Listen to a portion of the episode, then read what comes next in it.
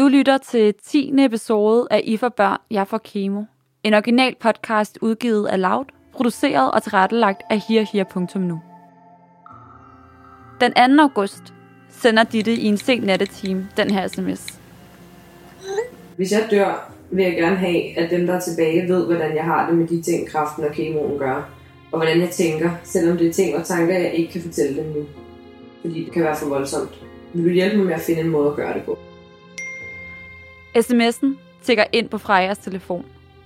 De næste episoder bygger på samtaler, Ditte og Freja har i den lille toværelseslejlighed, og er derfor næsten helt uredigeret. Optagelserne er personlige, og som nævnt optaget under kemobehandlingen. Altså på det tidspunkt, hvor Ditte hun var allermest skrøbelig. Som Ditte selv siger det. De snakke Freja og jeg har, kan fremstå råt for usødt, personlige og meget ærlige, og samtidig et udtryk for vores tanker og følelser, lige præcis på det tidspunkt, der blev optaget.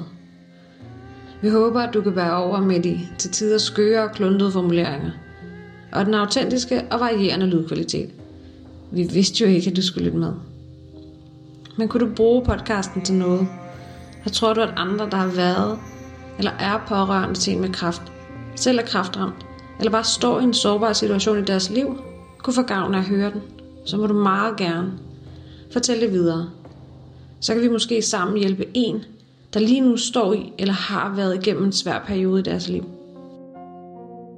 Inden du sætter dig ned sammen med Ditte og Freja, så får du lige historien, som den har udfoldet sig indtil nu. En forårsdag får Ditte diagnosen kræft. Hodgkins lymfom, stadie 4, med spredning til lungerne. Ditte er 28 år og klar til børn og et langt liv med kæresten Christian. Men kemobehandlingen tager hårdt på krop og sind. Så midt i behandlingsforløbet vælger Ditte at sætte sig ned og optage sine tanker og vende hele forløbet med veninden Freja.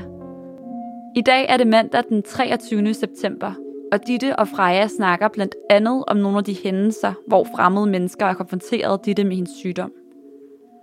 Det er mandag den 23. september. Det er blevet tid til at snakke lidt om, hvordan det er for dig at være syg, øhm, når du også har en bror, som har haft kræft. Ja. Fordi det, som det måske er, jeg ved ikke, om det er en oplagt ting at gøre, men der er i hvert fald mange, der gør, gør det, det er det her med sådan at sammenligne jer. Det er 100% et oplagt ting at gøre. Ja. Det her med mødt meget hele tiden, gør konstant, og det sammenligner mig jo også selv med ham. Mm. Altså, det tror jeg, mange gør med sine søstre generelt, både på godt og ondt, men jeg har godt nok mødt det sindssygt meget, efter at jeg fik min diagnose, mm. og med en kærlig mening, helt sikkert, hvor der er mange, der har skrevet bare mm. noget ala Daniel øh, var så stærk, du klarede det så flot, så det gør øh, din søster helt sikkert også, eller Ditte, du klarer det, du er sikkert lige så stærk som Daniel, eller du er den samme fighter som Daniel, og jeg var sådan, det, det ved jeg ikke. så hvordan kan du, det, nå, okay. Og det er bare fremmede mennesker, og det er mega velment. Mm. Det er mega sødt. Men det der med sådan, du er lige så sej som din bror, det ved jeg, så derfor klarer du det. Men det ved du det ikke. Og kraft har ikke noget med at gøre med at være sej. Overhovedet. Jeg synes ikke sådan, det hænger sammen. Så på den måde bliver vi sammenlignet sindssygt meget. Og det er helt oplagt, tror jeg, og samtidig fuldstændig irrationelt. Fordi det har vi været inde på, men vi fejler ikke det samme. Det er ikke samme stadie. Vi er to vidt forskellige personer, selvom vi har noget fælles genetik.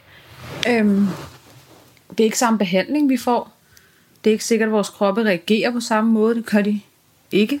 Og vil de aldrig fundet ud af. gøre. Ja. Øhm, for det er slet ikke det samme, vi skal igennem.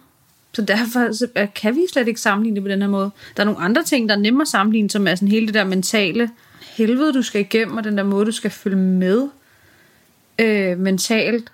Og det er et kapløb, fordi der er så mange ting, der bliver sådan ændret, og der er mange ting, der popper op, som du er tvunget til at forholde dig til mentalt, som du aldrig måske havde skulle tænke på før. Slet ikke, altså, jeg er 28, ikke?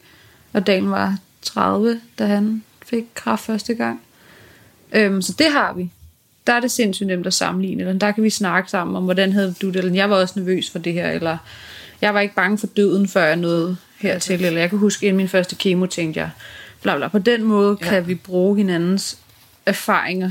Men der er bare en ret tydelig grænse, fordi det ikke er det samme, vi skal igennem. Det er slet ikke den samme behandling, og det er slet ikke den samme sygdom. Og vi reagerer slet ikke på samme måde. Mm. Men rigtig mange sammenligner. Og det kan jeg faktisk godt synes er helt vildt hårdt. Ja.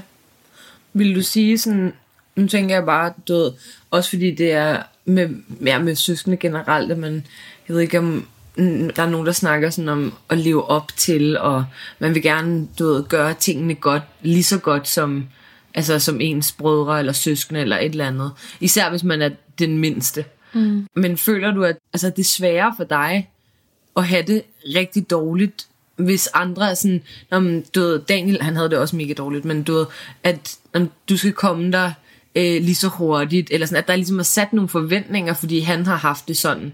At så bliver folk ved med at sammenligne, det her det gjorde Daniel, så skal du også, så er det nok også sådan her for dig. Og så tager de ligesom, altså så går de bare ud fra det sådan der. Det føler jeg helt vildt. Øhm, og det lidt forskelligt, hvordan det kommer til udtryk, men jeg kan godt føle det der pres over, men Daniel han klarede det, så det klarer du også. Ja, lige præcis, det er det, jeg mener. Hvordan er du sikker på det? Ja. Eller sådan, hvad, hvordan kan du tillade dig at sige det? Det er ikke det samme, du kender ikke. Altså mine kraftceller. Det gør ja. jeg heller ikke. Du kan ikke forvente, at min krop reagerer, ligesom dagen gjorde. Og du kan heller ikke forvente, at jeg hverken er lige så optimistisk, eller lige så stærk, eller lige så meget fight. Det er vildt forskelligt, hvordan sygdom mm. rammer folk. Så det synes jeg er en, en sjov ting, at man med kraft må man pludselig godt sammenligne på den her måde. Nok fordi det er typisk, at det sker i samme familie, men når vi sidder og snakker om alle mulige andre sygdomme, så er det næsten sjovt, hvordan vi er forskellige. At det er sådan, ah ja, når jeg er forkølet, så bliver jeg aldrig hjemme. Jeg kæmper mig altid videre på arbejde. Sidder den lader, som om der ikke er noget sådan, ej gud, når det er mig, så er jeg bare kæmpe pivskid og mega baby. Nå, synd for mig. Sådan, så må man gerne være forskellig. Men her er det sådan, du skal bare klare det lige så godt som dagen. Ja. Uh, okay. Ja. Det kan jeg, altså det kan jeg bare ikke love. Og det kan jeg helt sikkert uh, slet ikke leve op til. Og måske har jeg slet ikke lyst til det, fordi jeg er jo mig. Ja. Altså, jeg går ikke til det på samme måde. Daniel og jeg er søskende, men vi er jo sindssygt forskellige, ligesom at vi også er fra David. Vi er tre søskende, der, der er meget forskellige i vores måder at, at være på, og gå til ting og tænke på, og hvordan vi er refleksive, eller hvordan vi agerer, eller altså, det har vi altid været, så selvfølgelig er vi det også i perioder, der er hårde, og nogle, mm. der er så sårbare, som det her jo unægteligt er. Så nogle gange har jeg også følt sådan en pres for at skulle være, du skal være ekstra sej, eller du ja. skal være lige så stærk, eller lige så åben om det, eller du skal, så fortæller du også ligesom han gjorde. Sådan, nej, det gør jeg ikke, jeg fortæller ligesom jeg vil. Ja, fordi det er jo en anden ting, at, at, altså, at meget af det også, også fordi det var en måde for Daniel at cope med det på, og det var igen også individuelt, men meget af det var jo også øh, offentligt. Altså både sådan i forhold til Instagram, og hvad han valgte at dele der, men også i forhold til nogle artikler, der var blevet skrevet. Øhm, så der er måske også nogen, der føler, at de, de ved meget mere om hans kraftforløb, end, mm. end hvad man ellers ville gøre ved et kraftforløb. Altså, ja, ja. Det er så de, de, de føler måske også, at de har ret til, fordi de har fulgt med og så videre, at de har øhm, ja, viden og ret til at kommentere på, hvordan han klarede det. Øhm, ja. og, og i forhold til, altså, til dit forløb. Ja, det tror jeg sagtens, du kan have ret i. Jeg tror, jeg synes, det er lidt svært at beskrive, for jeg er jo totalt lille søster. Altså, vi er sindssygt tætte, mig og mine brødre, og har altid været mega tætte. Og de er de vigtigste mennesker i mit liv, og vi er sådan nogle, der har fortalt hinanden alting. Og jeg har altid brugt dem, når, der, altså, når jeg har været ked af det. Jeg går sådan lidt og blærer mig med, jeg er fra sådan en familie, hvor vi snakker om alting. Fordi det har kommet os virkelig meget til gavn. Så de er mine forbilleder. Mm. De er vidt forskellige. Daniel og David, de er mine forbilleder. De de er nat og dag, altså. De er så forskellige. Øhm, så Daniel er mit forbillede, ligesom David også er. Men jeg går ikke og stræber efter at klare kraft, som han gjorde. Mm. Jeg går ikke og stræber efter at håndtere det, som han håndterede det. Fordi det er jo hans måde at håndtere. Det er ikke nødvendigvis det rigtige for mig. Overhovedet ikke. Jeg føler bare, at der er rigtig mange, der forventer, at jeg gør som ham. Mm. Og fordi man jo, tror jeg, forestiller jeg mig, som, som tilskuer, lige pludselig har det der tætte eksempel at holde det op mod, så er det nemt. Det er håndgribeligt at sige, Daniel han klarede det også sådan her, eller mm. han gik til det sådan her, det gør du sikkert også, eller det er sikkert også godt for dig, Ja. eller det er, det er nok den bedste måde at gøre det for, for sådan nogen som jer. Mm. Nå, okay. Ja, det kan da godt være. Det kan også godt være, at jeg lige skulle have lov til at finde min egen vej i det. Mm. Og det har jeg brugt helt vildt meget, sagt sindssygt meget. Sådan, jeg skal lige finde min vej i det her.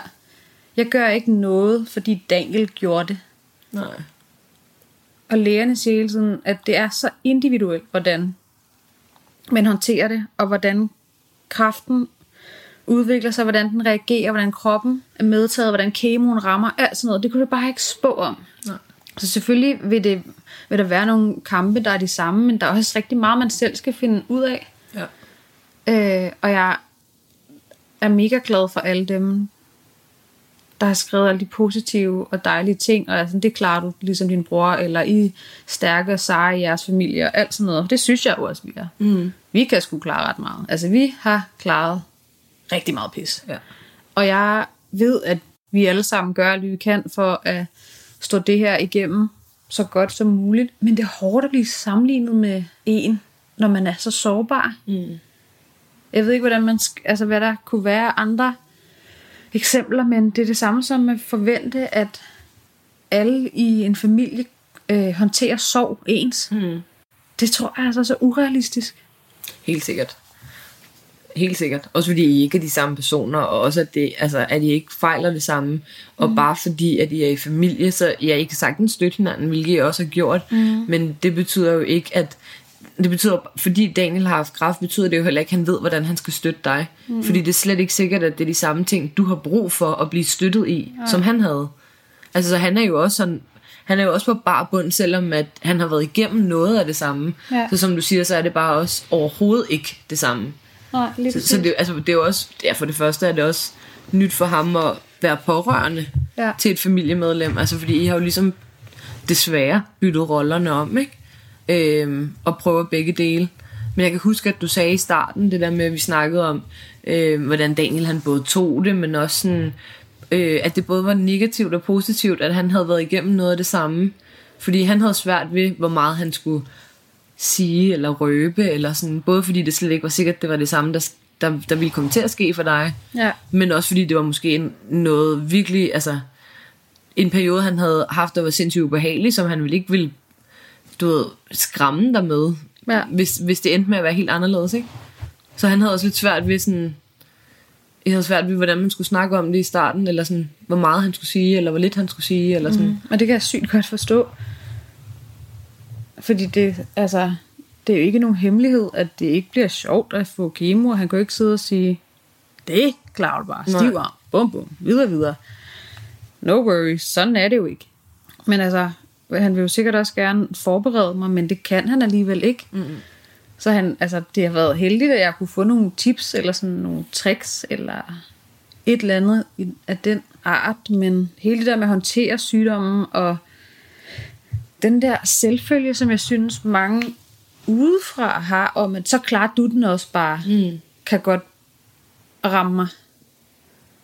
Hvordan kan du føle dig så sikker på det?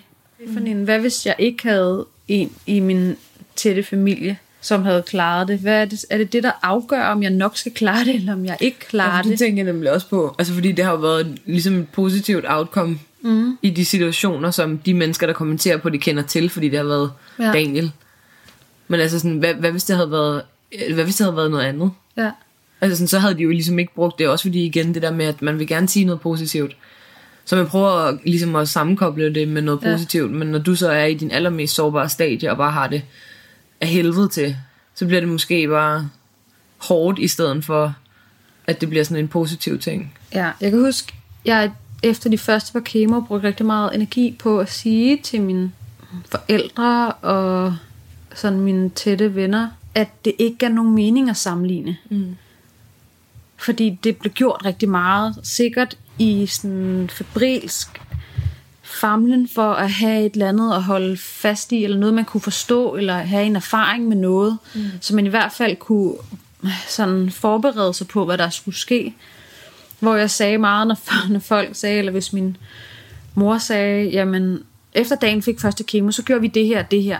Sådan, ja, men mor, det betyder ikke, at vi kan det med mig, for jeg får ikke samme kemo, jeg får det ikke engang i samme interval, det er ikke på samme måde, vi ved ikke, hvordan jeg reagerer. Mm. Eller Daniel, han sov de første tre dage efter sin kemo.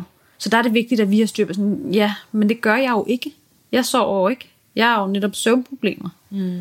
Så vi kan ikke forvente, at alle andre ting bliver på samme måde. Så jeg har brugt sindssygt meget energi på at gå og sige, at det giver ikke nogen mening at sammenligne med noget, der ikke kan sammenlignes. Altså, ja, eller forberede ikke... på noget, som man tror bliver sådan. Lige præcis. Også fordi det, jeg gider ikke at gå og have følelsen af, at jeg skal leve op til at håndtere det på Nej. en bestemt måde, eller blive skuffet, hvis min krop klarer ting anderledes. Nej, du kan heller ikke være sådan her, hej, Daniel han sov de tre dage efter kemo. Læg nu, jeg, jeg må hellere prøve at sove nu. Sådan, og ja, sådan er det bare, men jeg, altså, min helbred er jo heller ikke på samme måde. Nej. Jeg er stadie 4. Der er, der er rigtig meget kraft i min krop. Mm. Det er der bare. Jeg har øh, rigtig mange syge celler, som skal nedkæmpes. Daniel har ikke været i stadie 4. Det er, en anden, det er et andet udgangspunkt, og det kan ikke siges tydeligt nok. Du kan ikke sammenligne de her ting. Det er simpelthen en grund til. Og det kan jeg jo heller ikke sammenligne med dem, jeg sidder og får kemo med nu. Jeg kan heller ikke sammenligne det med dem, fordi de jo heller ikke haft samme udgangspunkt, og det er ikke sikkert, at deres krop reageret på samme måde. Og det kommer man til, og det er helt sikkert for at have et eller andet holdepunkt. Men det er sgu ikke sikkert, at, at det er positivt, Nej. at ville gøre det. Jeg har i hvert fald tænkt, at der må være et eller andet pres, hvor folk tænker, at jeg reagerer ligesom Daniel, jeg håndterer det ligesom ham, eller jeg, jeg klarer det ligesom ham. Hvad hvis jeg ikke gør? Mm. Er det sådan en kæmpe skuffelse? Samtidig har det været, og er, især nu, jeg er jo i den sidste del af min behandling, øhm, så der er også nogle ting, som en kæmpe, kæmpe, føler jeg, øh, mental, ej, nu skal jeg på, hvad jeg kalder det, ulempe, øh, som fylder helt vildt meget hos mig i hvert fald. Jeg ved ikke engang, om kemoen har taget al kraften væk. Mm. Jeg er ikke færdig overhovedet. Jeg er på den rigtige side af halvvejs, men jeg, jeg har lang vej igen, og det er rigtig hårdt. Og det bliver rigtig hårdt. Jeg er allerede begyndt at være nervøs for at få tilbagefald. Mm. Fordi Daniel fik tilbagefald. Mm. Så jeg begynder også at sammenligne mig med ham. Ja, selvfølgelig. Med de skræmmende ting. Ja. Så for mig er det egentlig voldsomt at tænke, ja, ja, jeg har været der, hvor vi jublede over, at scanningerne var gode med Daniel, og det var, der var ikke mere kraft. Sådan. Jeg har endda også siddet og drukket champagne med hele min familie i Barcelona og jublet over, at der var gået to år efter, at han havde, var blevet erklæret kraftfri, så han var ude for. Hvilket det, man siger sådan? Lige præcis. Tilbagefald kommer, kommer oftest inden for de første to år. Så jeg sidder og drukket champagne og skålet. Nu var de to år gået. Og alligevel fik han tilbagefald. Der, ja. Han skulle bare bruge to og et halvt år. Så jeg har en masse andre erfaringer med, fordi jeg har ham som en af mine nære, mm. som ikke er positiv for mig. Mm. Som gør, at der er nogle andre ting, der fylder helt vildt meget. Jeg er sindssygt privilegeret af at have ham, og han er en, en kilde til viden, som jeg har meget tæt på. Og han er en, jeg kan dele rigtig mange bekymringer med. Det kunne jeg også før, fordi det er sådan, vi ligesom er. Vores relation er, at vi er tætte, og nu kan vi det så også, fordi der er meget af det her med kræfter, der fylder, der er meget det mentale, der, der er med. Jeg kan også se, når det er hårdt for ham, og samtidig forstå, hvordan det er hårdt for ham, fordi jeg selv har været ja. der. Øhm, jeg ser det jo som en privilegie, at jeg, jeg faktisk godt ved, hvad, med dem, der er pårørende til mig, hvad de går igennem, for jeg har selv været der. Jeg vælger i hvert fald at se det sådan. Min lærer synes, det er lidt sjovt at, at se det på den måde, men det vælger jeg at gøre. Mm-hmm. Øhm, jeg tror bare også, det, det, det spinder nogle bekymringer med sig også. Helt sikkert. Ja, det gør jamen, også på grund af, af den historie, ikke? Altså, ja. at man altså får at vide inden for to år, og så er det det, man sådan der bare ja. fæsten sig til, ikke? Og så, men nogen er det også to og et halvt, eller tre, eller du ved, Ja. og det er jo bare, det har man bare et eksempel så tæt på.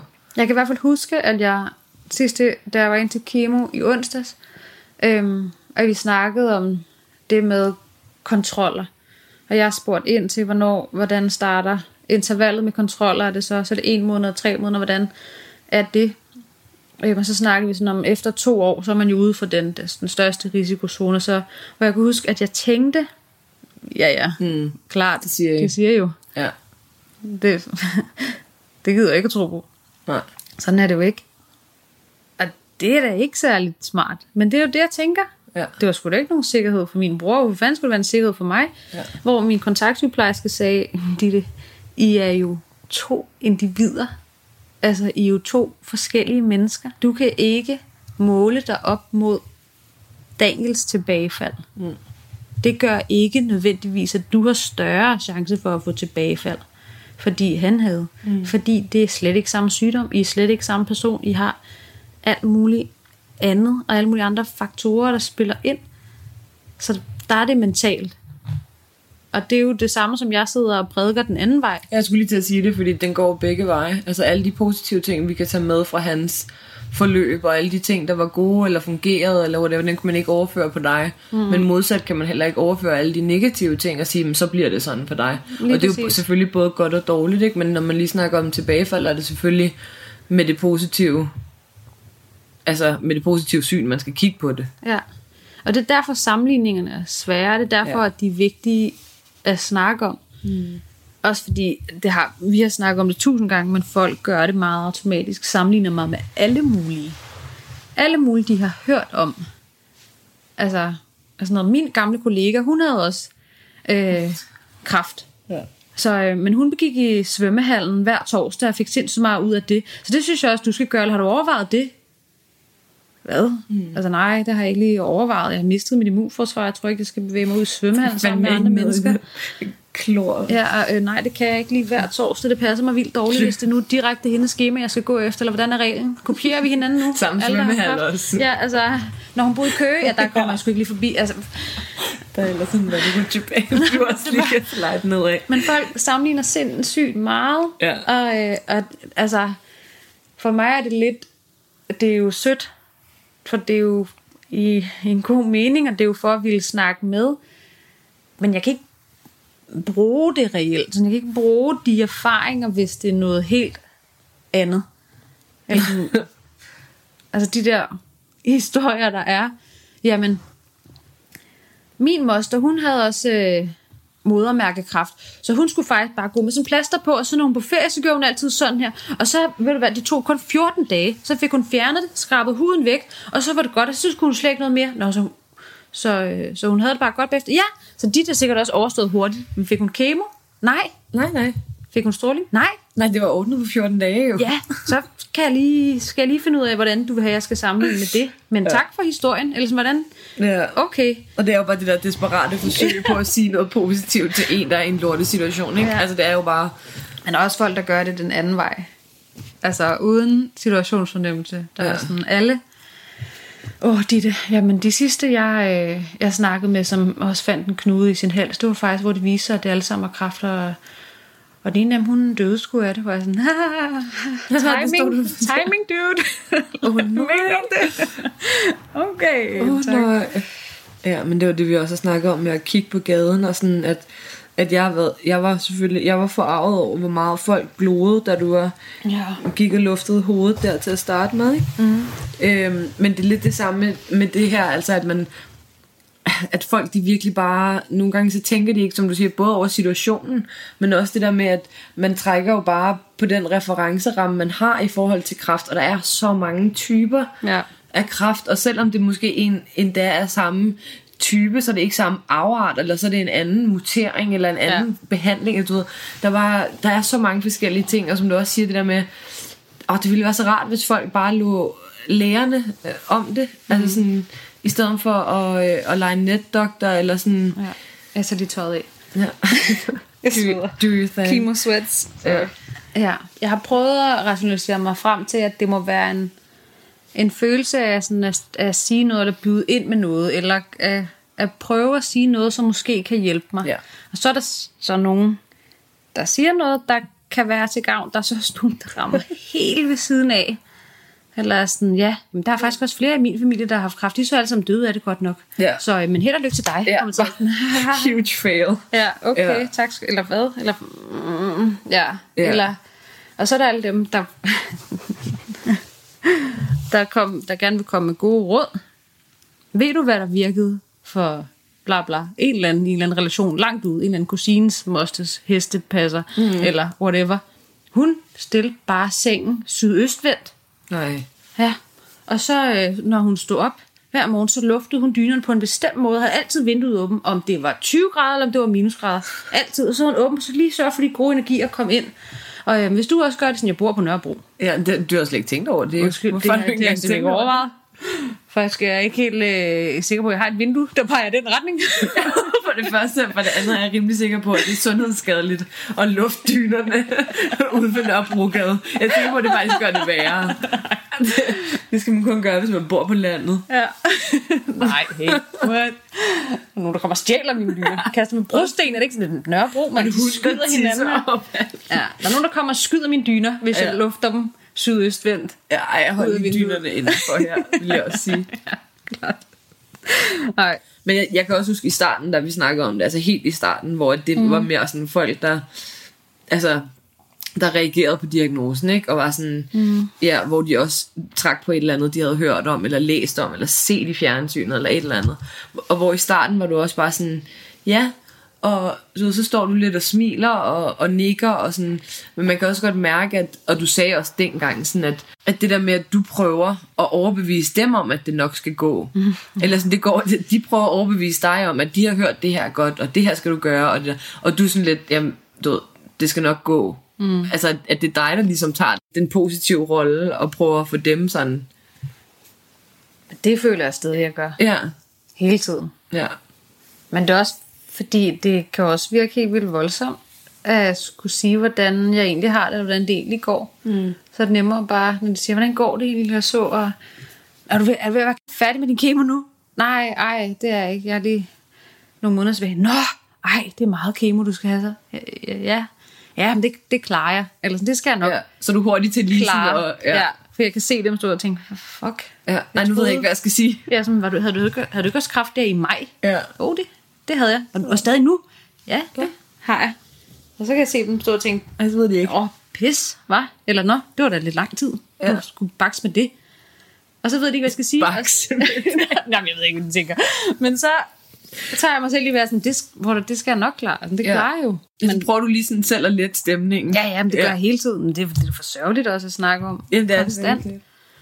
Altså, det er det da. Ja, Men det gør, det gør jeg konstant. Det er jo også overlevelse for mig. ja 100 procent. tror jeg, men også rigtig meget for ikke at skulle trøste rigtig mange mennesker hele ja. tiden, eller for at redde de der situationer, hvor de slet ikke ved, hvad de skal sige.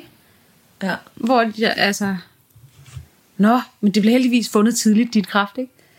Jo, altså jo, det, det, vil, det kunne man mene, altså jeg opdagede knuden hurtigt, så jo, det kan man sige, men det er noget at sprede sig til et nyt organ, så jeg har, har kraft i lungevævet.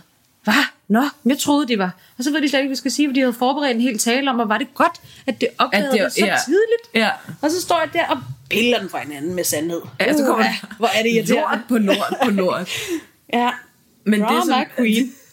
Får du det bare der sådan- fejler alt muligt. Udover det, hvad fanden som jeg slet der ikke var forberedt på, hvordan jeg skulle tænke at jeg skulle sige til dig, så skulle du aldrig skrevet til dig, så jeg skulle aldrig gået op til dig på gaden. Så aldrig spurgt. Nej, hvis jeg havde vidst, du var Jeg helt væk. vidst, at du var helt fucked. Hvis jeg havde vidst, du var så meget på skideren, så jeg skulle aldrig nogensinde komme hen til dig. Og det er jeg slet ikke forberedt på. Det kan. Nu ville det næsten være federe, hvis folk gjorde det. At de bare var sådan her, uh, ej. Ditte. Jeg troede, jeg troede, det var stadie 1, og det var det sådan en fiksfakseri, at du lige skulle have noget stråling og så videre, og så var vi over det, eller niks. Nej, det var Nej. det ikke. Det, det kan jeg sgu ikke. Det kan- jeg, nej. jeg vender tilbage en anden dag. Det er for Hej, hej. meget. Vi har alligevel ikke snakket sammen siden folkeskolen. Nej, det var eller et eller andet. nej. Åh oh, nej, men ja. Det man heller ikke tænker over, eller det som jeg heller ikke rigtig har tænkt over, det er, en ting er, at nogen kommer op og spørger, sådan, hvordan du har det, og du måske siger sådan der, bare prøver at forklare lidt, og de ikke, og de ved, ikke ved, hvad de skal gøre. Mm. Og de bliver akavet, fordi de ikke ved, hvordan de skal snakke om emnet. Ja. Men man tænker jo heller ikke på, at det er også mega akavet for dig jo. Sådan en situation er jo ikke kun akavet for den, der ikke ved, hvad man skal sige. Det er jo også akavet for dig, der står i den samme samtale jo. Ja. Det er også derfor, jeg begyndte begyndt at gøre sådan, når folk kommer med råd. Hold kæft, hvor er det sødt. De gider at, at komme med råd til mig. Og det kan jo være, at der er en af dem, der har det råd, der bare altså, redder hele min kemo-bivirknings helvedesperiode, whatever mm. eller bare lige præcis fortæller mig om den bog, som ændrer mit syn på livet, eller lige præcis fortæller mig om de urter, som bare... Urten. Lige, the one. The one. Altså, det kan da godt være. Og det er også tavligt at sidde og gøre grin med det, bare fordi jeg har fået så mange skønne. Bare fordi det ikke er kommet endnu. Ja, ja, Ja. ja. Jeg har også fået mega mange gode råd. Ja, Altså, det har jeg det. Øhm, det er mega sødt, at folk har lyst til at, at komme op og give mig de råd, men jeg er nået dertil, hvor jeg spørger med det samme, når de fortæller mig noget om min erfaring fra en eller anden, de kender perifært. Mm. Eller har hørt, om, hørt læst om. om i et ublad, ja. eller et eller andet. ja. Så siger jeg altid, nå, okay, så øh, han, hun havde også lymfekræft. Og så hvis de siger nej, så siger jeg, åh, oh, okay, så, og så kan det godt være lidt svært øh, at lige at sammenligne. For på en pæn måde sige, bare stop den her. Men bare sådan, så, så, er det, så er det ikke nødvendigvis samme situation, eller kan man sige, nå, så det var imens, at øh, han, hun fik kemo. Nej, de har ikke fået kemo. Nå, men det jeg, det jeg bøvler mest med er kemo-bivirkningerne. Ja. Nå, nå, nå, nå. Fordi så får jeg, føler jeg på en eller anden måde rettet ind i sådan det, det jeg har svært ved, det der gør ondt, det er forårsaget af den her form for kraft, eller det er forårsaget af de her kemomedikamenter. Ja. Øhm, fordi så hvis de har noget, som kunne passe til det, så kommer det hurtigt på bordet. Mm. Og hvis det så ikke er noget, så bliver der også hurtigt lukket sådan, "Nå, gud ja, det kan jeg godt se, så kan jeg faktisk ikke lige sammenligne det med dig. Nej. Og så behøver jeg ikke selv at sige, hehe, øhm, det har intet med mig at gøre. Det Nej, fordi der." det er jo også det, det er jo svært, det er jo også svært at stå og skulle ret på folk, eller det, mm. det vil jeg i hvert fald, uden, ikke, når det ikke engang handler om kraft, hvis det er et eller andet andet, hvor jeg ved, sådan, det bare ja. ikke lige sådan, det hænger sammen, så kan jeg heller ikke rigtig lide at sige det, altså også hvis det er for nogle gange er folk, du ikke kender super godt, Ja, ja. der kommer hen. Ja, men der er masser, og det, det, altså jeg vil hellere altid sige, giv rådet, og så tror jeg, at man skal være som kraftsyg klar til at sortere. Mm. Indstillet på, at du skal sortere i det. Fordi nogle af rådene er jo de rigtige for nogen, mm. som bare er helt forkerte for andre. Men det er måske en fordel lige at tænke ind, om øh, det overhovedet kunne være noget, der kunne være aktuelt for den, du snakker med. Ja. Altså, Ja. jeg, jeg kan ikke gå en tur ved Vesterhavet hver dag og sørge for, at det hjælper min kraft i at forsvinde, fordi jeg bor ikke Ikke ved Vesterhavet. Så. Men det var et dejligt forslag, men jeg kunne også Jeg havde godt... gjort det, Ja, hvis jeg boede det, er tættere på. det. Men jeg kan rigtig godt lide at være hjemme, og jeg gør alt, hvad der står i min magt for ikke at være indlagt. Ja. Ja. Så derfor tror jeg ikke, jeg flytter til Vesterhavet heller ikke. Jeg vil bare gerne være lige hjemme hos mig ja. Ja. med min egen ting. Ja. Så på den måde kan man godt lige tænke ind, om det, det passer. Om det er relevant. om det er et relevant råd. Ja, jeg Ja, og, og, så, og så også huske, at altså, nu kan vi, vi kan jo godt sidde og, og grine af det og sådan noget, men, mm. Men folk, de, også selvom de kommer til at sige noget, som måske ikke lige var det smarteste at sige, eller noget, der var ubekvemt for dig at høre, for ja. at sige det på den måde, så, så er det jo ikke noget, folk gør for at være altså for at være nederen, eller for at være lede, eller sådan, det kommer jo et godt sted fra. Men nogle gange kommer det bare ud på en forkert, forkert måde, eller ubehagelig måde, Ja. eller på en sjov måde, ja, Ja, som ja. du også siger. Altså sådan, fordi nu hvor man godt ved mere, og det er jo også kun fordi, at jeg kender dig, og du har fortalt mig om den, lige denne her type øh, kraft og din behandling. Fordi at hvis, det var, en- hvis jeg mødte en eller anden, der havde en eller anden form for kraft, så ville jeg jo være lige så lost, som jeg var du ved, i starten af dit forløb. Mm. Eller i starten af Daniel, som var helt anderledes, hvor du også skulle forklare mig om det, ikke? Ja, altså jeg sidder jo, når jeg møder nogle af de andre på Rigshospitalet, øhm, som har kraft, men som har andre former for kraft, så er jeg jo helt blank. Ja. Jeg kan ikke byde ind med noget godt. Nej, det er det. Og der er vi jo dem, der står og siger, gå det- en tur ved Vesterhavet. Lige, på ride.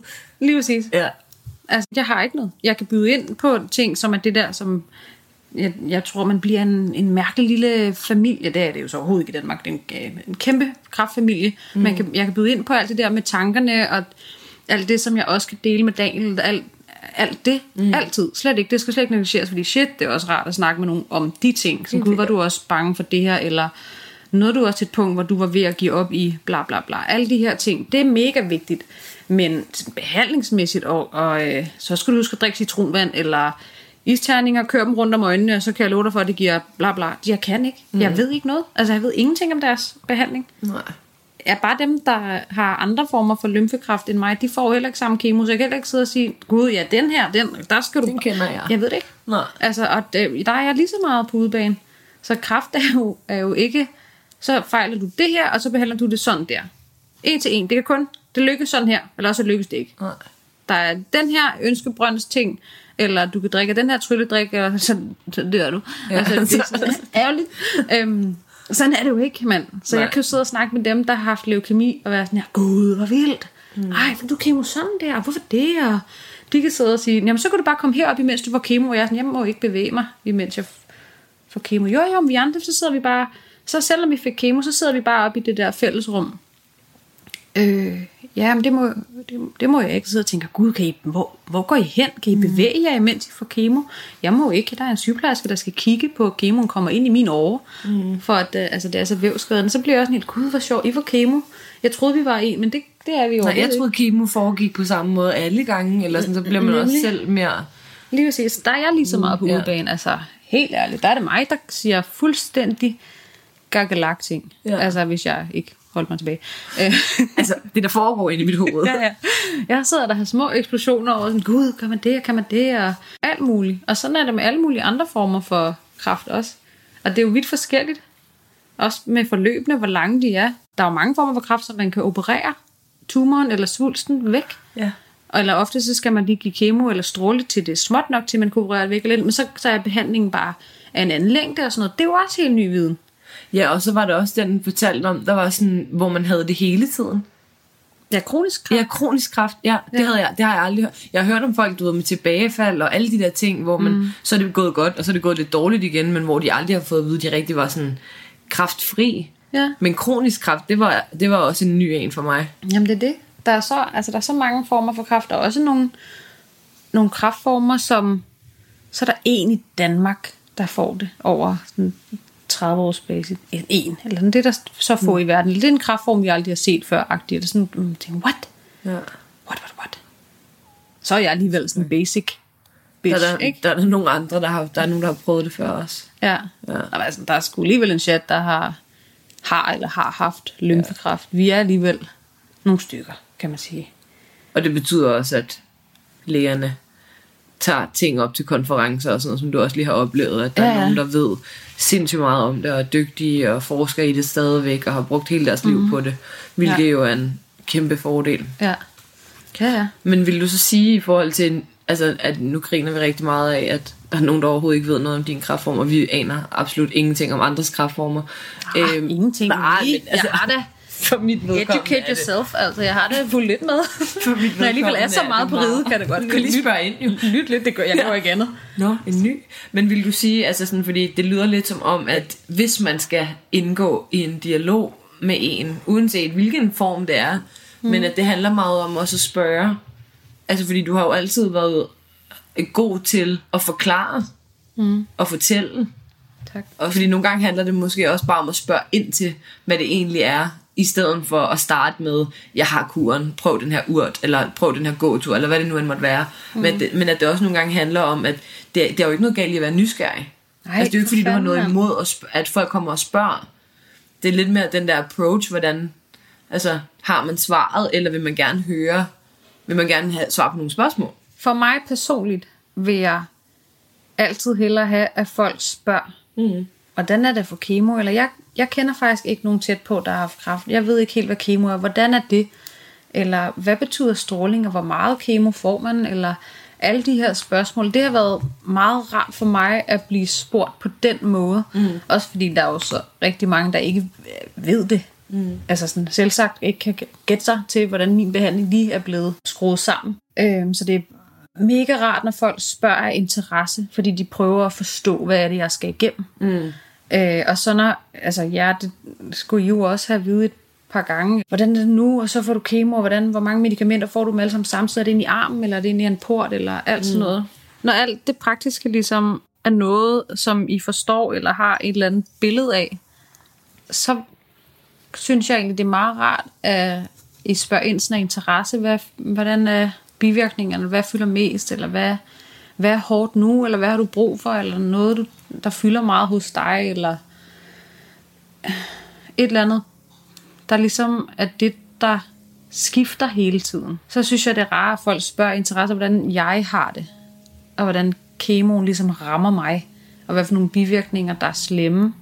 Fordi det er sindssygt individuelt. Så det synes jeg egentlig er meget rart. Men jeg vil helt klart også foretrække, at folk spørger mig, hvordan jeg har det i det, eller hvad der skal ske med min behandling helt specifikt, frem for at folk begynder at gætte, hvordan jeg har det, eller hvad der må være hårdt, eller fortæl mig, hvad jeg skal gøre, for det bliver bedre, uden at de har nogen som helst idé om, hvad der fylder.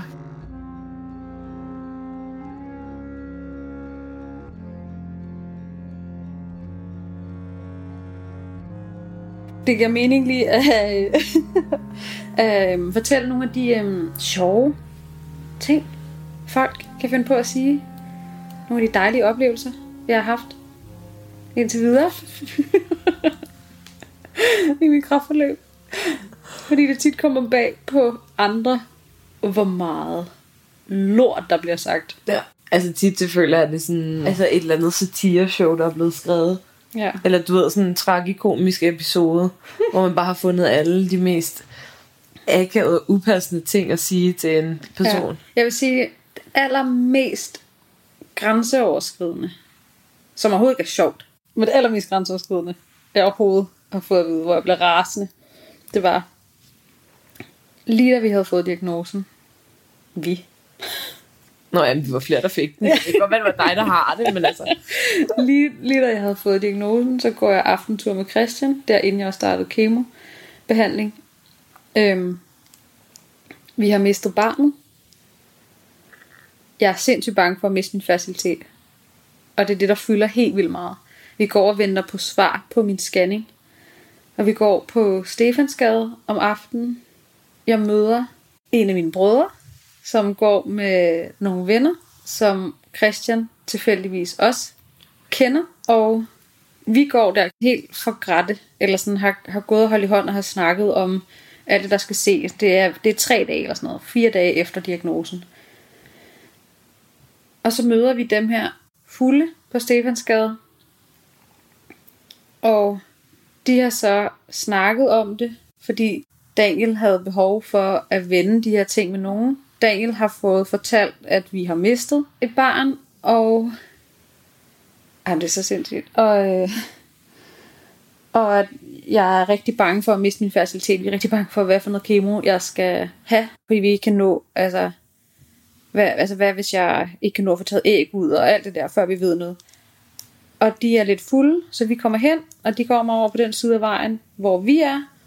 Og ham, den ene fyr, dasker lige Christian på skulderen og siger, Nå, men så ved vi, da den virker, og slår ham i løgne.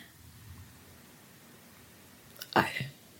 Som i, så ved du da i det mindste, at den ville kunne blive til et barn. Ikke noget med, Ej, hvor det I sygt. har lige mistet det. Din kæreste har lige fået en kraftdiagnose. Og hendes bror har lige fortalt dig i fortrolighed, at, Ej, det, at hun er nervøs for at miste fertiliteten, at vi går og venter på svar om, hvad, hvad spredningen er. Og jeg har aldrig i mit liv mødt den her fyr før. Så jeg står der bare. Og Daniel hører det ikke. Hvilket egentlig nok var meget fint. ja, det tror jeg også. Øhm, Åh, oh, sådan noget hørt.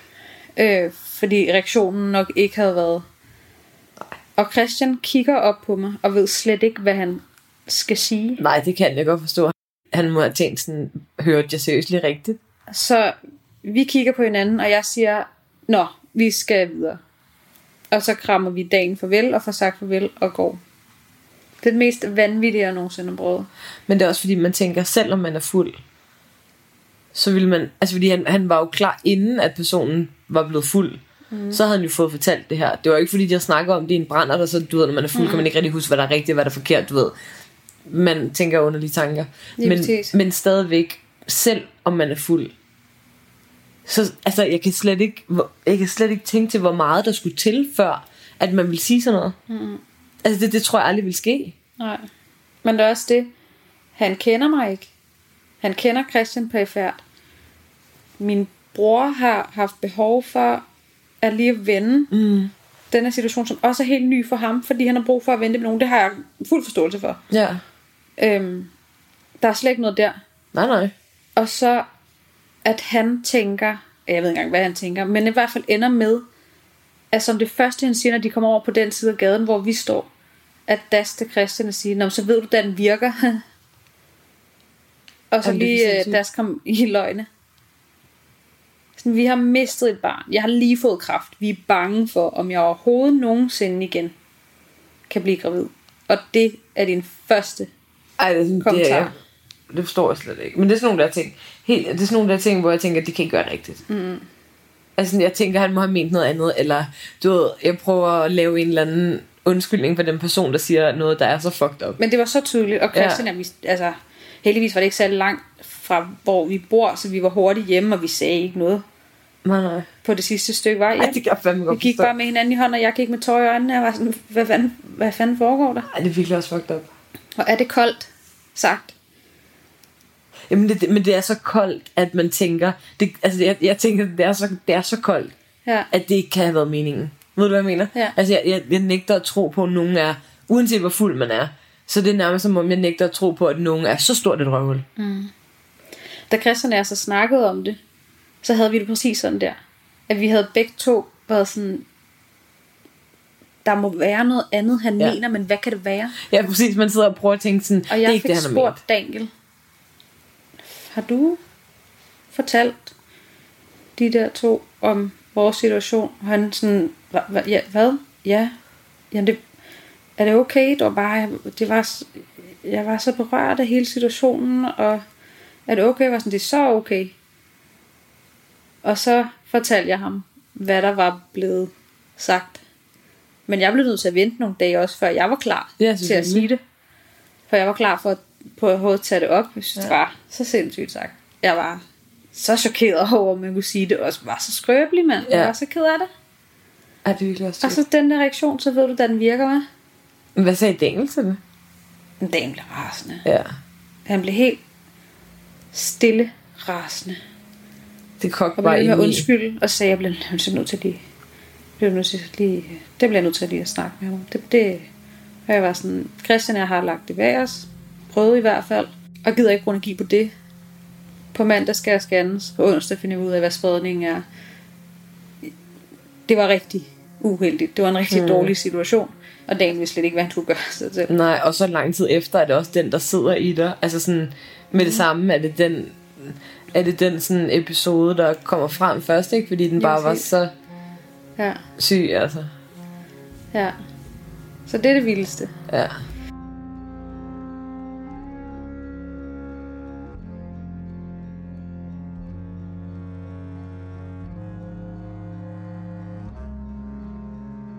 Jeg prøvede faktisk, og det havde jeg ikke troet, jeg skulle, i hvert fald ikke af andre end børn måske.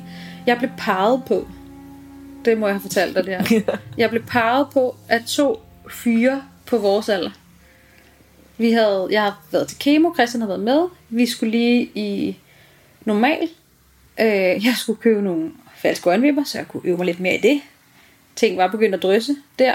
Øh, og Christian ville gå ind i Netto, og vi skulle handle ind til resten af ugen, inden jeg fik det dårligt, sådan inden kemoen ramte. Så vi gjorde det lige efter kemo, og jeg havde sådan en periode, hvor jeg synes, det var helt rart at gøre sådan normale ting, at tage ud og handle og føle mig normal. Ja.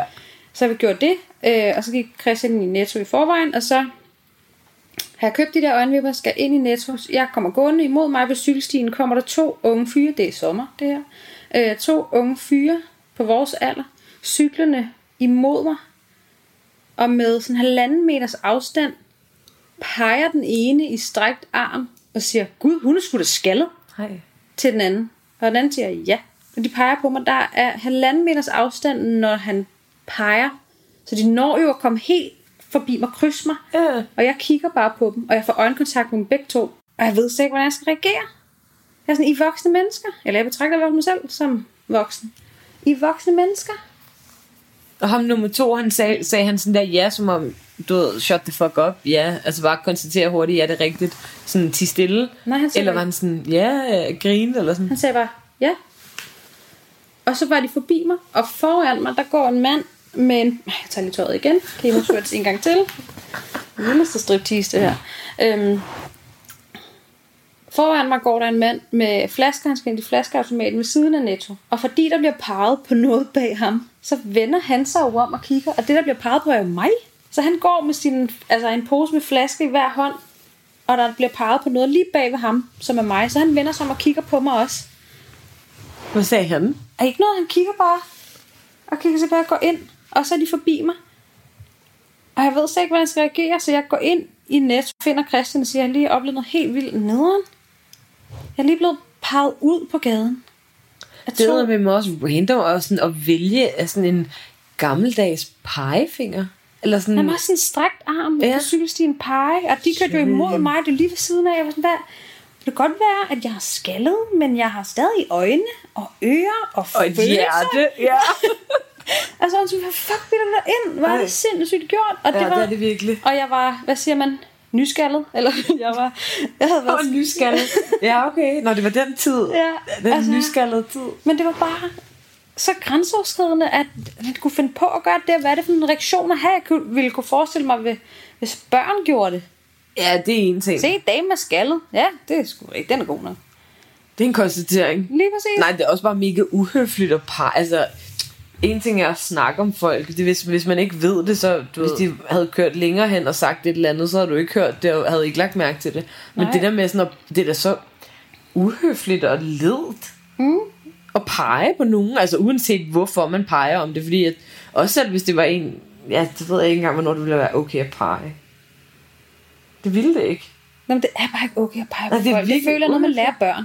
Ikke pege på Ja, folk. nej, ikke pege på det. Ned med den finger. Hold lige op. Stop med det der pegeri. Ja. Ej, det er faktisk virkelig ledet.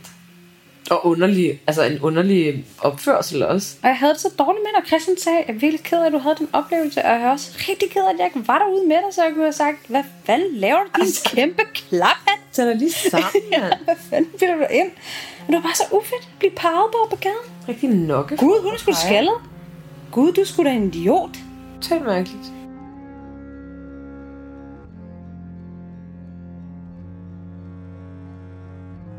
Er det ikke også andre ting, jeg har fortalt dig, som var, som var sindssygt, som folk har sagt?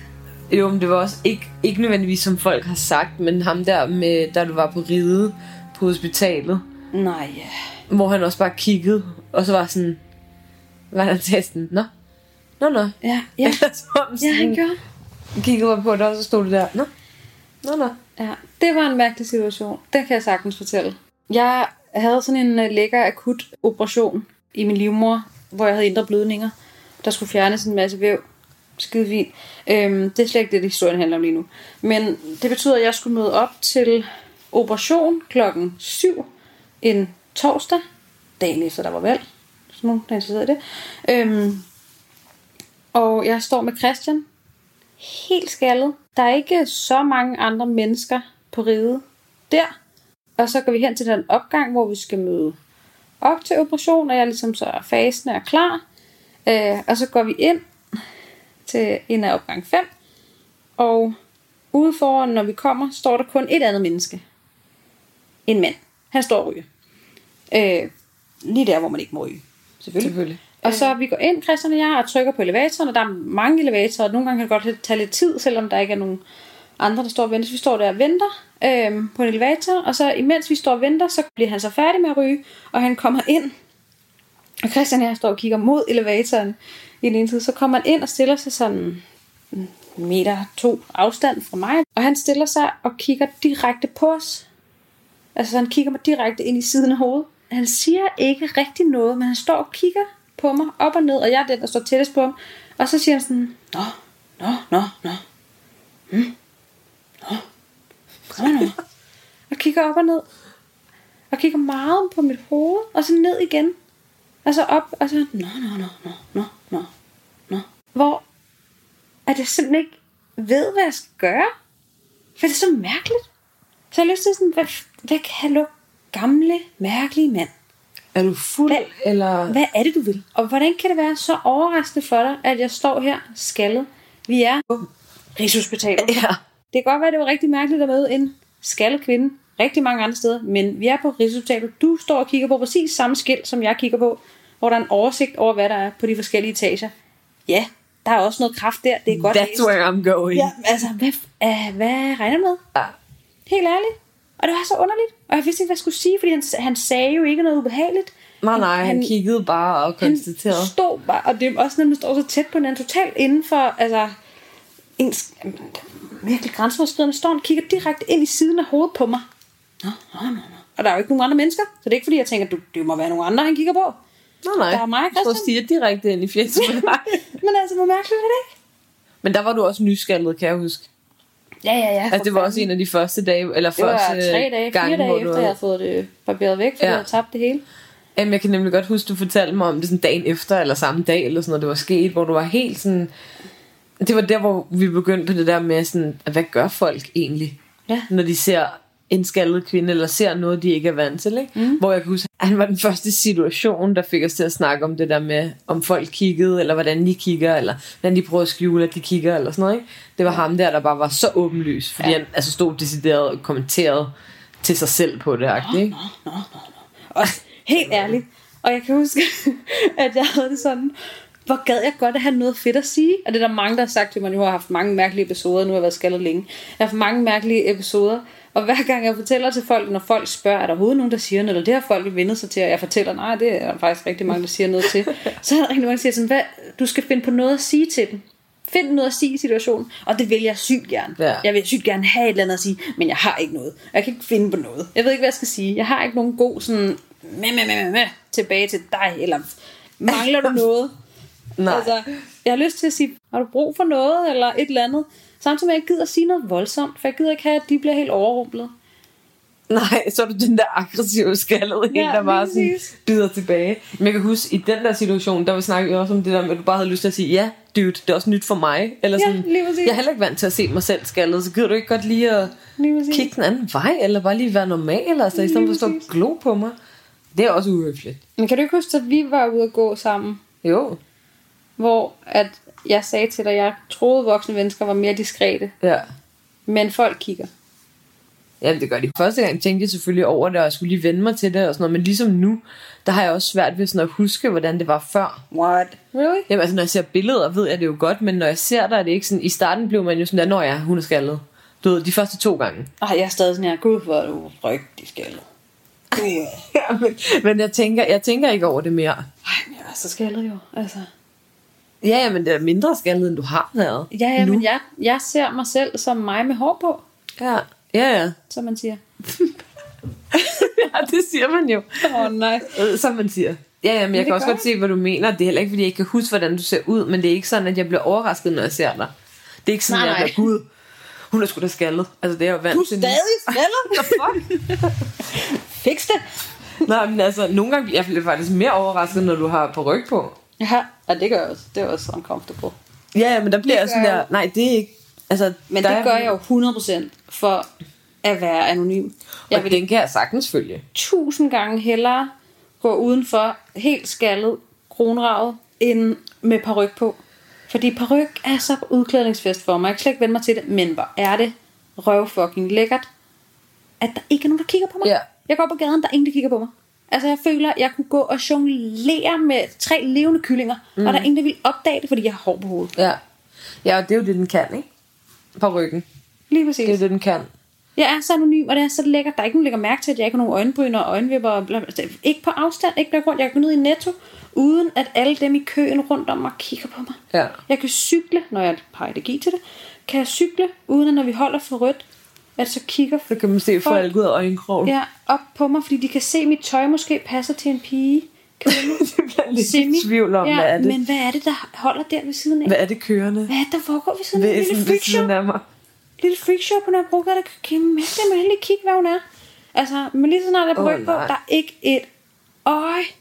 Og det er fucking lækkert. Ja. Altså, det, jeg kan slet ikke øh, understrege, hvor fedt det er. Nej, At folk ikke stiger på mig, og hvor rart det er at kunne være anonym. Virkelig, jeg er ikke overhovedet den opmærksomhedskrævende, ekshibitionistiske type, hvad det angår. Det er så lækkert, men Ja. jeg synes stadig, at parrykken er grænseoverskridende. Jamen det er også det der, hele det der med at tage ryggen på, og sådan, ja. at du ved, at du kan tage den af, og så har du ikke noget hår. Eller sådan, det er fordi, du mm. ved det, fordi som vi snakkede om, så er der jo netop ikke nogen, der lægger mærke til det, når du har på ryg på. Mm. Men fordi du selv ved, at du har taget den på, og hvordan det ser ud indenunder. Ja. Og det der med paryk bare er, i hvert fald for de fleste udklædningsagtigt, ikke? Ja. Altså, man får selvfølgelig også et andet forhold til en paryk, når den har været et værktøj til at kunne gå udenfor, uden at blive glået på, ikke? Ja. Men for de fleste, så er det jo sådan noget, man har leget med, eller ja, sådan brugt til at klæde sig ud, ikke? Og så ja. det er jo klart, at man tænker sådan, at det er et udklædningsværktøj. At være kvinde og rende rundt og være skaldet på gaden, Ja. det er bare en katalysator for rigtig meget opmærksomhed, rigtig Ja. mange dumme bemærkninger. 100 procent. Og det kan man godt blive træt af. Og der er også en grund til, at jeg ikke er skaldet. Ja. Altså, og der er en grund til, at det er meget få kvinder, der er skaldet, med mindre at de er syge. Det er der jo en grund til. Det føles jo faktisk sådan nogle gange, som om, at jeg er den første skaldede kvinde, nogen ser. Ja. Jeg kan godt gå på gaden og være sådan her, hold da op, var. Jeg må være den første skaldede kvinde, du nogensinde ser i dit liv, siden du har behov for at stige så meget på mig, og følge mig med øjnene hele vejen rundt om. Ja, nej, Mm. Og det var alligevel langt, lige præcis. at du kunne følge Ja. jer. Jo. at du overhovedet sidder stadig fast på din hals. Ja, du, du er meget... Ja. Men det kan også godt være, at du er den første skaldede Men det tror jeg bare ikke på. Altså nu, jeg kender statistikkerne. Der er, undskyld mig, men flere end mig. Ja, ja, men det kan være, at de har paryk på, hver gang de går ud. Nej, for der er der flere skaldede kvinder. Jeg kan ikke, også vi, vi bor i København, jeg kan ikke være den første skaldede kvinde, som nogen i København ser. Måske børn, det er okay. Ja, ja, det er Men min nevø håndterede det bedre, at jeg pludselig var skaldet, end de fleste voksne fremmede ja. mennesker. Ja. Min nevø sagde til mig, du er blevet klippet. Ja. Og jeg sagde, ja, det er du også. For det var han heldigvis også blevet. Ja. Så havde I det til fælles. Lige præcis. Og så sagde jeg, prøv at mærke, mit stikker. Og så da han rørte det, sagde jeg, ah! Og så synes han, det var sjovt, Ja. fordi mit hår stak. Så var vi over det. Ja. Det var det, der skulle til. Ja. Han synes, jeg er sej, at jeg kan tricks, fordi jeg kan tage parykken af. Og det er der ikke nogen af de andre, der kan. Jeg kan tage håret af. Jeg kan have hår på, og så kan jeg ikke have hår på. Det synes jeg er sejt. Jeg kan pakke Det er tricks. faktisk også ret vildt. Altså for en to og en halv det er fandme vildt nok. Ja, det er det. det er Altså hans faster kan party tricket. det. ja. Ja. Gud, der er også, jeg kan se, jeg har skrevet her. Åh, oh, det er også irriterende. Det er meget apropos det, vi har snakket om tidligere. Nogen, der siger, afarter af losing is not an option. Nej, åh oh nej. Det er ligesom at have en quote, den der live, love, laugh på øh, væggen. Carpe diem, min røv, mand. Ej, ja. Nå, men sådan, det, undskyld, det kan du ikke sige. Du kan ikke tillade dig at sige, losing is not an option til en med kraft. Nej. Sådan, det er, undskyld, det er sgu ikke mig, der bestemmer det. Helt ærligt, det er det faktisk ikke. Det er en af de ting, der er rigtig meget ude af mine hænder. Jeg kan Ja. ja. godt fortælle jer, at hvis jeg bestemte, så ville jeg ikke tabe den her, uha, farlig terminologi, men kamp. Mm. Men det er ikke mig, der bestemmer. Så lad være med at skrive det til mig. Og det er der mange, der gør. Det her, det er din kamp. You got it. Do I though? Do I? Ja, sådan, undskyld, men det, der er en grund til, at man, man tager det her, man tager det her lidt alvorligt. Og det er jo Ja. sådan en, det er en sådan empowerment, det er jo sådan en, you go, girl. Men det kan også godt føles helt vildt voldsomt. Ja. Jo, det jeg tror, du har misforstået kraft. Losing is an option. It is actually an option. ja. Det er der lidt nogen, der decideret har skrevet losing and not an option? Ja, det er det. det. Er det det? Jamen, prøv at finde på noget, der er helt gakkelak. Og jeg altså, hvis jeg lige får en halv time, vil jeg kunne finde en besked, der hvor det er i. Challenge you. Losing is not an option. Ja. Jeg kommer bare lige til at tænke på, sådan, i det her tilfælde er losing jo, Lige præcis. altså losing life, som i at miste livet, som i... Præcis. Men det er det, jeg mener, det er sådan... Du har misforstået det, hvis du skriver det til en med kraft. Ja. Det er derfor, det er alvorligt. Det er fordi, at, at, at det At der det med at tabe en faktisk option. er en mulighed. Ja. Det er derfor, vi tager det seriøst. Okay. Der er losing is not an option. Ja. Og som om den ikke er slem nok.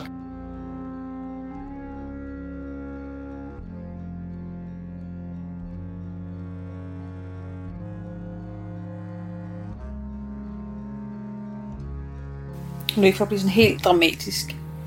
Eller emotionel. Men det er at vende alt på hovedet.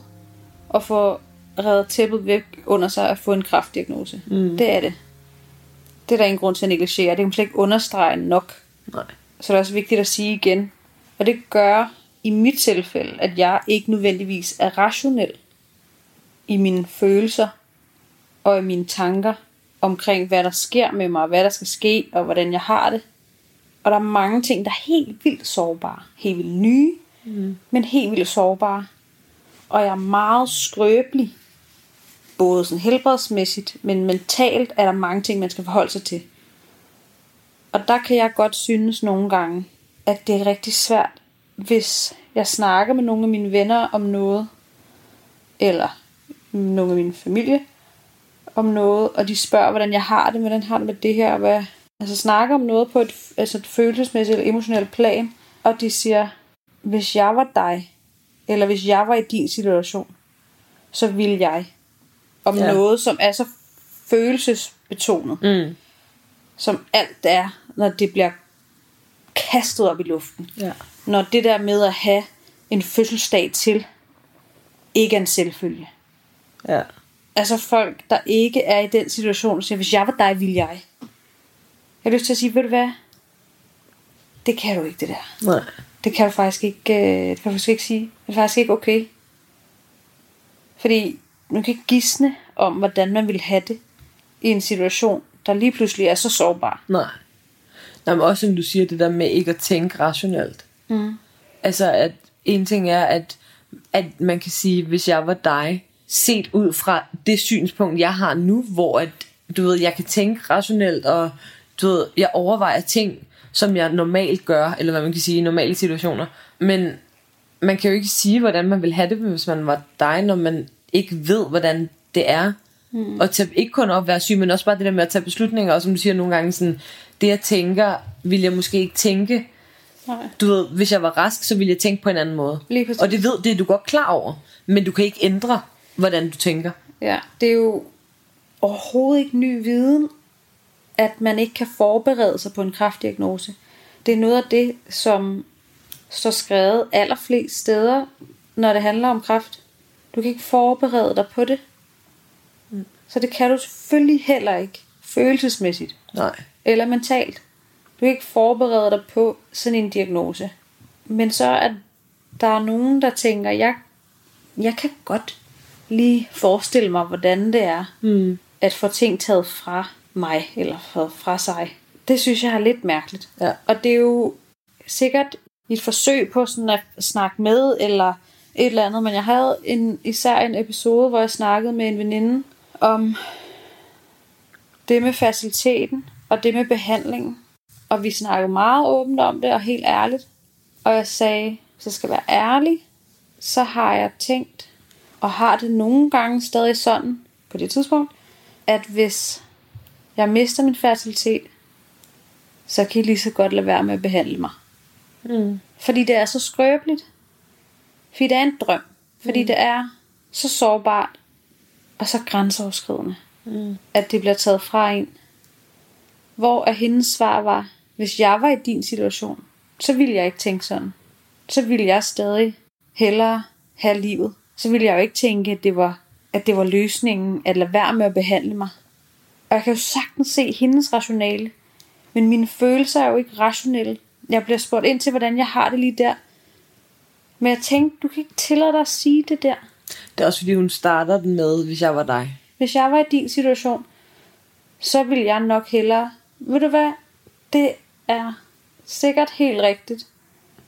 Men du er ikke i min situation. Nej. Og det er sindssygt hårdt for mig at være i den her situation. Lige nu, i det øjeblik, vi talte om, jeg er så skrøbelig, mm. og så ked af det, og så fortvivlet. Jeg er bange for, at jeg mister en kæmpe mulighed, Mm. som er noget af det, jeg allerhelst vil. Lige nu her. Og jeg indrømmer over for dig, at jeg tænker nogle gange, fjerner I min fertilitet, så drop det kemo. Mm. Fordi det er heller ikke sjovt. Så hvorfor skal jeg igennem alt det pis, som kemo gør? Ja. Hvorfor skal jeg igennem det længste kemoforløb? Og alle de bivirkninger, og al den smerte? Og alle de funktioner, der bare sætter ud. Hvorfor skal jeg det? Hvis jeg alligevel ikke har noget at leve for bagefter, som handler om at få børn. Ja. Og det er jo totalt voldsomt tegnet op. Det er jo helt groft. Og jeg sagde til hende, det er ikke sådan, jeg har det hele tiden, men jeg har tænkt de tanker. Ja. Det har jeg tænkt. Og der kan jeg huske, at jeg tænkte, at reaktionen var, var mærkelig. Og der gik det op for mig første gang meget tydeligt. Nå, okay, du kan virkelig ikke sætte dig i min situation. Nej. Det kan du ikke, og det skal du ikke. Det Nej, skal nej. du heller ikke, og du skal heller ikke forsøge Og hvis du forsøger, kan jeg mærke, at du rammer ved siden af. Mm. Fordi du gør det bare ekstra hårdt at være mig. Ja. At høre det. At du ikke kan rumme mine irrationelle, men mega skrøbelige tanker. Om sårbarhed, om noget, der bliver taget fra mig. Men du hellere vil sige, hvis jeg var dig, ville jeg det her. Ja. Det kunne jeg mærke Hvis jeg- så hårdt. Ja. Det var så sindssygt hårdt. Så det har jeg i hvert fald tænkt over så meget siden. Det vil jeg bestræbe mig på aldrig at sige til nogen i en rigtig, rigtig hård situation. Ja. Jamen, det er, jo, det er jo det der med, når man ikke kan... Jeg tænkte faktisk også over det, der, også når vi har snakket om det med Daniel, og sådan, at når jeg kommer herhjem for eksempel, hvis du har en rigtig lortedag, mm. eller hvis Altså, der er et eller andet... ikke? Jo, altså bare, ja, eller også bare ja, mentalt, men også hvis du har ondt, eller du ved, når du har ondt, og jeg har været herhjemme, og du bare ikke rigtig har kunnet overskue noget, men vi har siddet og snakket om et eller andet, og du har givet udtryk for, lige nu så det bare lort, eller du har forklaret en eller anden situation. Er jeg sådan meget, synes du det? Nej, nej, overhovedet ikke. Men hvis der har været en eller anden dag, der er nogle dage, hvor du har været gladere end andre, jo ikke? Altså humøret går op og ned hele tiden. Øhm, generelt er du ret glad. Det vil jeg også sige. Men sådan, hvis, hvis vi har snakket om et eller andet, der var sådan lidt hårdt, Ja. eller meget hårdt at snakke om, så har jeg nogle gange tænkt sådan, fordi tit, i hvert fald, jeg gør i hvert fald personligt, hvis nu mine veninder siger et eller andet til mig, og sådan og sådan, øhm, og så siger man jo sådan, jamen det kan jeg også godt forstå, eller jeg, altså du ved, det er ikke fordi, at jeg siger, at jeg kan forstå det nødvendigvis, men det er ligesom sådan en, øhm, ja, jeg ved, hvad du mener, eller sådan, jeg hører, hvad du siger. Det kan siges på mange forskellige måder, ikke? Men hvor jeg tit har tænkt, når du har sagt et eller andet, og så har jeg, så har jeg skulle lige til at sige sådan, at det kan jeg også godt forstå. Fordi jeg kan godt forstå, hvorfor du tænker sådan. Men så siger man jo også sådan, jeg kan godt forstå, hvordan du har det. Men det kan jeg ikke. Nej. Jeg kan godt forstå, at du tænker, som du gør, fordi du er i den her lorte situation. Ja. Og jeg har også nogle gange sagt, jeg kan godt forstå, at du tænker sådan, i stedet for at sige, jeg kan godt forstå, hvad du mener. Ja. Fordi jeg har tit tænkt, men jeg, jeg, forstår, jeg forstår godt, hvad du siger, men jeg forstår ikke, hvordan du har det. Ja. Og det, det er sjældent, at man tænker sådan, fordi med andre veninder har man måske været i en situation, der ligner den, eller du ved, et eller andet, ikke? Og så kan man jo godt sige sådan, jamen, jeg ved godt, hvad du mener, eller det kender jeg godt, eller et eller andet. Og så nogle gange har jeg bare taget mig selv i sådan, og skulle til at sige det, og så, nej, fordi det gør jeg jo egentlig ikke. Hvor jeg så tænkte med det, vi snakker om med Daniel før, når han siger til dig, hvis du siger et eller andet, du har oplevet, for eksempel den her brændende følelse, du fortæller, mm. du har med kemo, der har du prøvet at forklare mig, hvordan det føles. Ja. Og det forstår jeg godt, når du siger. Ja. Jeg forstår ikke, hvordan det føles, men jeg forstår godt, når du prøver at forklare det. Ja.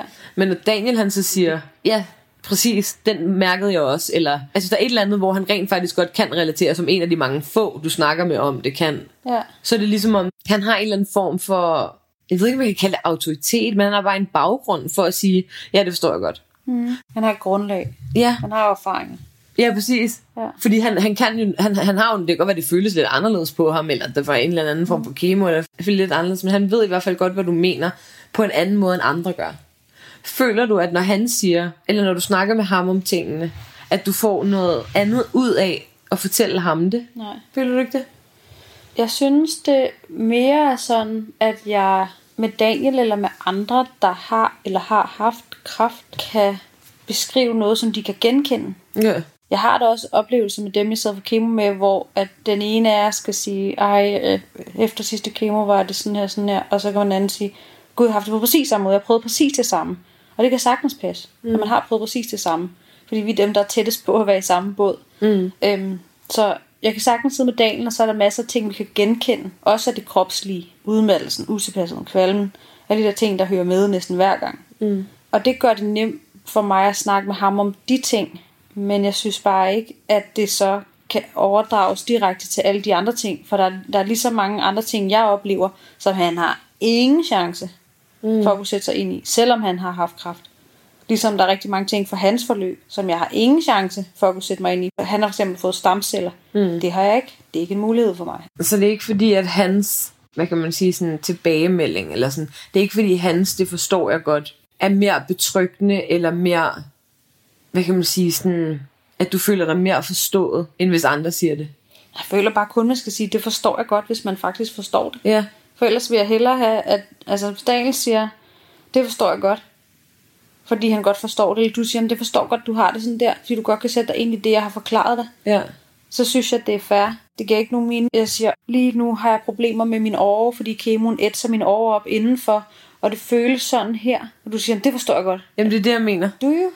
Nej, men det, er det er lige præcis det, jeg mener. Rent medicinsk har du forklaret mig, hvordan det foregår. Så på den måde forstår jeg godt, hvad det er, der sker. Ja. Men jeg forstår jo ikke, hvordan det føles, eller hvordan du har det med det. Men altså, jeg forventer jo ikke, at du forstår, hvordan det føles. Jeg tror bare, det er vigtigt, øh, men det synes jeg generelt med alt, at man hellere siger, og jeg er virkelig ked af, at du har det sådan, eller det. Øh, jeg kan ikke sætte mig ind i, hvordan det er, men du må sige til, hvis der er noget, kan hjælpe med, eller hvordan kan det være, at du har det sådan, eller hvad betyder det? Eller sådan. Ja. Det, det tror jeg øh, er måden at gøre det på. Lige så vel med kraft som med alt muligt. Ja, ja, med alle mulige andre Andet. ting, som man måske ikke kender fra sit ja. eget liv, eller sådan, ja.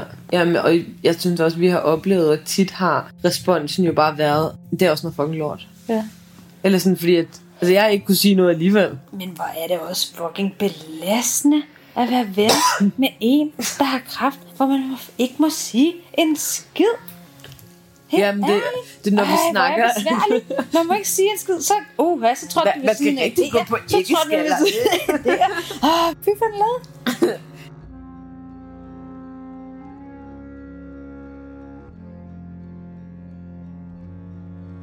Jeg var til en fødselsdag for nogle måneder siden, hvor at der er en far til stede til fødselsdagsbarnet, som jeg så af god grund ikke ser så tit. Og han skal til at hjem øh, lidt øh, tidligere end os andre, og siger, i det han siger farvel til mig, krammer mig og siger, "Jamen, så må du øh, have det godt, til vi ses, eller altså hvis vi overhovedet ses.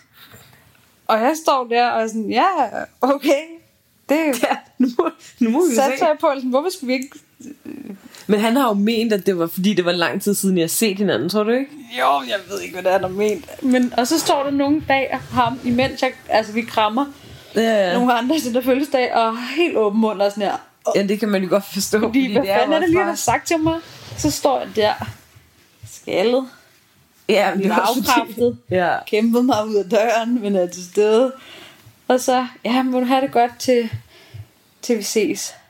Altså hvis, hvis vi ses. Og så underligt at smide den ind, men jeg tænker bare, at han måske har tænkt det så lang tid siden, han har set dig, at der jo kan gå noget tid ind i ses. Ja, og det, men selvfølgelig ses vi hvert år fødselsdag. Ja, ja. Jeg bliver jo ikke sur på for alle, der siger noget idiotisk. Det vil fandme også være svært, og jeg siger det sikkert også selv noget idiotisk til alle mulige andre, i alle mulige andre sammenhænge. Ja, ja, men det er jo, ja, ja. Man, man kaster bare noget mundbagl ud en gang imellem, og jeg tror især, når man så lige pludselig står face to face med en, som er personificeringen, ja. Og sådan, uh, det er ikke helt godt for dig. Nej. ja. Så skal jeg spørge, hvordan det går. Eller skal jeg bare... ja, præcis. Ja. Det kan godt forstå, at man kommer til at sige noget pis. Ja. Altså, Ja, ja.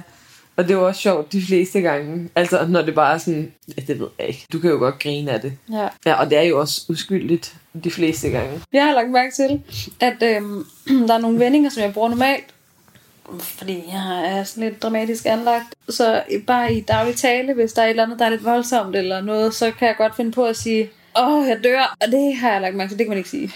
Når man, Når man er ekstra bleg og reagerer anderledes. man kan ikke sige det på samme måde. Eller du sagde sindssygt meget en periode, åh, jeg krasser af, eller sådan, jeg krasser, eller et eller andet. Og der har jeg bare lagt mærke til, hvis jeg siger det, Ja. så kigger folk anderledes på mig, end, end da jeg bare slyngede det ud før. At det er også endnu mere dramatisk. Så en ting er at sige det, når, når man ser rask ud, men når man så også bare ser syg ud, og man bare råber helt latina-dramatisk, åh oh, nej, jeg græsser af. Lige præcis. Og det er fucked up. Jeg har sådan ting med, at jeg i hvert fald førhen, jeg prøver at skille mig af med det nu, men i hvert fald før han sagde, jeg vil hellere dø end Ja. ja. et eller andet. Så øh, hvis du taber den her, så skal du køre en, øh, en klovne orange page med, så må du være hellere dø end det. Det Nej. er også en ting, jeg ikke må sige mere. Ja. Den reagerer folk også, øh, Ej, så vil jeg sgu hellere dø. jeg vil hellere dø. Fordi hvad skal det sådan, øh, you're already Øh. on it, eller sådan, øh. hvad, det, det er som om, at din krop har taget forskud på guderne. Ej, jeg tror ikke, du får lov at vælge. det er fucked up. Ja, så det har jeg lært. Der er nogle ting, man... Man? Ja, der er Ja, nogle der er ting, nogle jeg ting, ikke du- skal sige Ja, mere. I hvert fald ikke på den måde. Lesson learned. ja. Tror jeg i hvert fald. Jeg kommer helt sikkert til at sige det igen. Ditte og Freja slukker mikrofonen. Næste gang mikrofonen tændes i den lille lejlighed er om 8 dage. Så længe skal du ikke vente. I næste uge får du Freja og Ditte snak om fremtiden og det mentale efterspil, der begyndte at vokse og vokse. Podcasten er udgivet af Loud, produceret og tilrettelagt af hirhir.nu, klip, mix, storyboard og manus af Anders Skuldberg og Christiane Digte Ved, som er mig, Abonner på I for Børn, Jeg får Kemo, hvis du ikke allerede har gjort det. Og husk at tale om det, der er svært.